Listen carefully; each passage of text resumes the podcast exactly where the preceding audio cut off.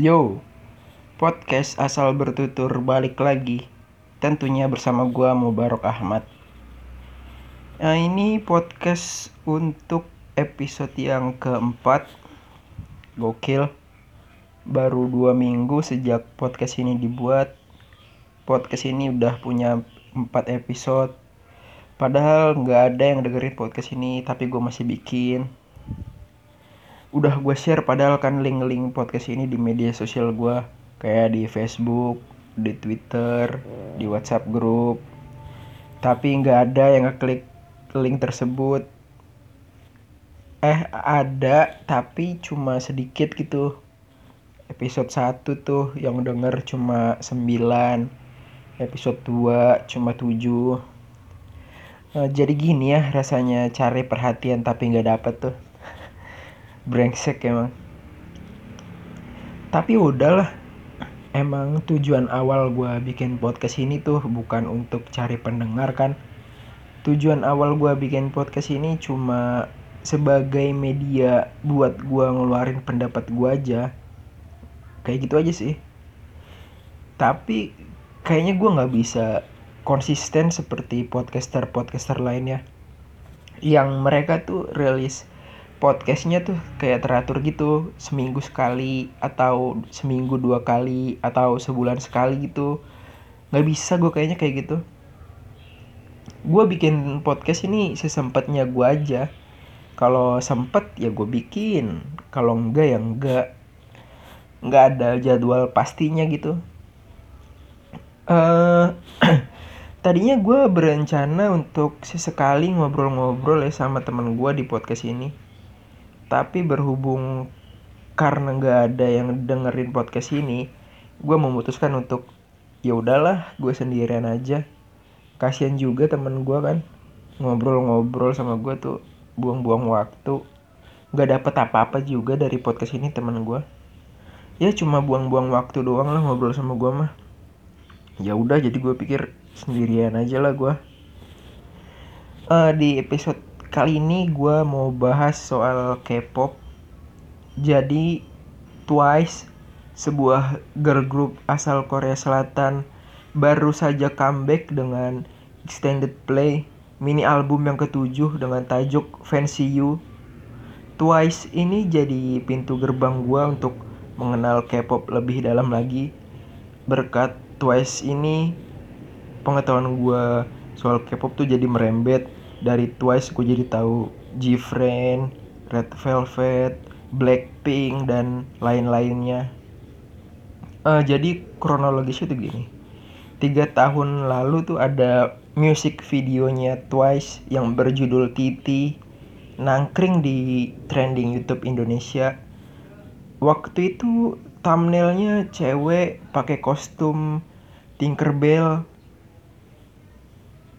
yang belakangan gue tahu tuh namanya Momo. Pada saat itu gue pikir siapa nih cewek? Cantik amat. Kan gue penasaran tuh. Akhirnya gue klik video itu gue lihat dan gue dengerin kan musiknya. Dan ternyata enak. Fresh gitu. Musik pop tapi semi semi EDM gitu. Kalau didengerin pakai headset tuh kedengeran instrumen-instrumen elektronik yang catchy banget ditambah dengan tampilan personilnya tuh yang cakep-cakep banget. Eh, gimana ya?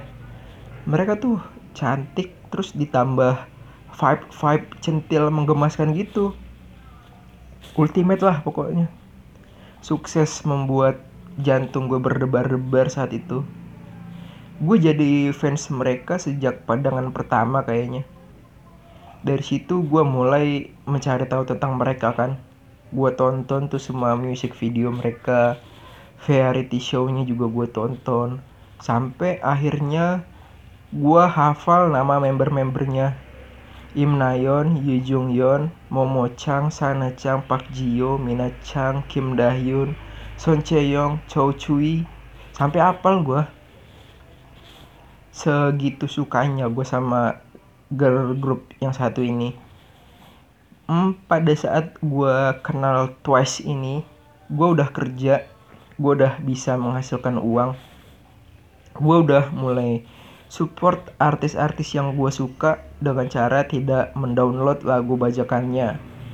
Karena pembajakan itu jelas merugikan artisnya ya. Gue pernah denger dari siapa ya lupa gue pokoknya katanya Ahmad Dhani tuh jadi kayak sekarang tuh gara-gara pembajakan dulu dia kan maestro tuh di dunia musik bikin banyak lagu-lagu hits di Dewa 19 tapi karena banyaknya pembajakan penghasilannya tuh jadi berkurang. Akhirnya dia terjun ke dunia politik terus jadi ngaco gitu kan tiap pergerakannya. Dan gue nggak mau hal ini terjadi sama artis-artis kesayangan gue gue mulai langganan layanan music streaming tuh kayak Spotify, Joox buat menekan pembajakan ini. Sayangnya pada saat itu Twice belum ada di Spotify ya. Akhirnya gue support mereka tuh dengan cara beli album digitalnya di iTunes. Satu album tuh harganya 35.000 sampai 50.000 tergantung jumlah lagu yang ada di albumnya itu. Terus tuh gue ngikutin mereka. Tiap mereka rilis album baru gue beli album digitalnya pasti sampai terakhir tuh gue masih inget gue beli album digitalnya tuh pas Natal 2017 di album Merry and Happy. Itu terakhir kali gue beli album digitalnya di iTunes. Karena setelah itu Twice udah ada di Spotify. Gue beralih dari iTunes ke Spotify yang menurut gue lebih murah. Dan gue pikir yang penting kan bukan bajakan ya hitungannya gue tetap support walaupun sedikit dari Spotify. Sempet gue kepikiran buat koleksi album fisiknya tapi nggak jadi karena menurut gue terlalu boros. Satu albumnya tuh album fisiknya seharga 300 ribuan lah. Ditambah ongkos kirim dari Korea ke Indonesia 200 ribu. Berarti satu album harganya 500 ribu kan. Dan saat ini Twice sudah punya 20 album termasuk mini album dan versi album versi Jepangnya. Kalau gue jadi koleksi album album fisiknya tuas ini berarti gue harus ngeluarin 20 kali 500 ribu. Gue harus ngeluarin 10 juta sampai saat ini. Gokil ya itu bisa kebeli dua motor second tuh 10 juta itu. Tapi ya untungnya nggak jadi ya. Uh, gue nggak tahu kenapa ya fans K-pop itu loyal loyal banget orangnya. Mereka rela menghabiskan uang buat idolanya gitu. Uang yang dikeluarin buat idolanya tuh bahkan nggak sedikit. Gue pernah baca bahkan ada penggemar yang sampai mendanai biaya produksi musik video idolanya Edan kan ya militan banget gue berpikir bisa sampai kayak gitu mungkin karena fan service yang diberikan idol kepada para penggemarnya itu sangat baik. Idol di Korea yang gue tahu mereka rutin ngadain fansign tiap kali ngeluarin single atau album baru. Dan di event fansign ini nggak cuma tanda tangan si idol yang dikasih ke penggemarnya. Di situ kayak ada sesi tanya jawabnya juga, terus ada gamesnya juga di event itu. Jadi fans sama idolanya bisa main games bareng gitu. Dan mungkin karena fan service yang sangat baik ini fans-fansnya tuh jadi nggak ragu gitu ngeluarin uang yang gak sedikit untuk support idolanya. Ya gak tau lah gue sebenarnya dulu gue sempet bersikap cenderung menolak ya terhadap budaya K-pop ini. Karena gue berpikir gue kan cowok masa suka sama Korea-Koreaan sih? Itu kan cewek banget ya. Tapi lama kelamaan gue bisa menerima dengan baik budaya K-pop ini. Dan gue yakin di luar sana juga banyak cowok-cowok yang kayak gue dulunya tuh nggak suka anti sama K-pop bahkan sampai menghina fans-fans K-pop. Tapi sekarang malah jadi suka sama budaya K-pop.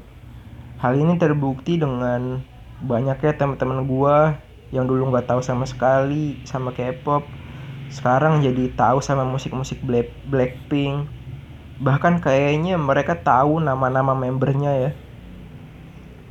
Dulu gue mikir ya kenapa banyak orang yang suka K-pop ya? Khususnya khususnya orang Indonesia. Padahal di Indonesia menurut gue banyak musisi yang lebih baik. Kenapa harus sukanya sama orang Korea sih? Mereka nyanyinya lip sync karena harus sambil koreografi kan? Belakangan gue sadar boy band dan girl band itu bukan musisi. Mereka adalah pure entertainer menurut gue tujuan utama mereka untuk menghibur. Lip gak jadi masalah karena ketutup sama visual yang cakep-cakep dan koreo yang bagus. Dan penontonnya itu juga udah paham dan gak ada masalah juga sama itu karena emang mereka udah ngerti itu konsep konsep K-pop ya memang begitu. Penonton K-pop menurut gue mereka butuh hiburan yang bukan cuma musik tapi ada tambahan dance dan konsep gitu kalau penonton dan pendengarnya tuh cuma nyari hiburan yang fokus sama musikalitas doang mereka nggak akan lari ke K-pop di Indonesia juga banyak musisi yang musikalitasnya bagus kayak Glenn Fredly, Tompi dan lain-lain. Tompi ini bahkan bisa nyanyi beberapa bar tuh tanpa lirik gitu. Cuman studurut pam pam pam pararararam pam pam Subidu baba papa pernah dengar gak lu? Tompi kayak gitu berapa menit gitu cuman gitu doang ini kan butuh skill ya musikalitasnya tinggi banget berarti keren lah pokoknya Tompi tapi banyak penonton dan pendengar tuh butuh yang lebih dari cuma musik ini dan K-pop jadi pilihannya karena K-pop menawarkan konsep gitu. Uh, kesimpulannya apa ya pembahasan kali ini? Intinya musik K-pop tuh bisa bertahan dan survive di industri bersaing dengan berbagai macam genre musik yang ada tuh karena menurut gua K-pop punya nilai plus seperti koreografi dan konsep yang gue bilang tadi. Dan pasarnya tuh udah gede gitu dan loyal. Apa pun yang K-pop jual pasti pasarnya bersedia beli. Dan kayaknya pasar K-pop bakal tambah lebar karena udah ada beberapa grup K-pop yang tampil di Amerika. Tampil di Grammy Award diundang di acara-acara talk show Amerika bahkan tampil di festival-festival musik Amerika dan satu lagi nih buat anti buat orang-orang yang gak suka sama K-pop tuh jangan terlalu nggak suka lah. Nanti pada saatnya gue yakin kalian akan suka dan merasa malu gitu.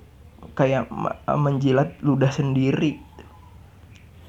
Nah, gue rasa cukup ya pembahasan kali ini segitu aja sih yang mau gue sampein Sampai jumpa di podcast asal bertutur episode berikutnya ya. Deh.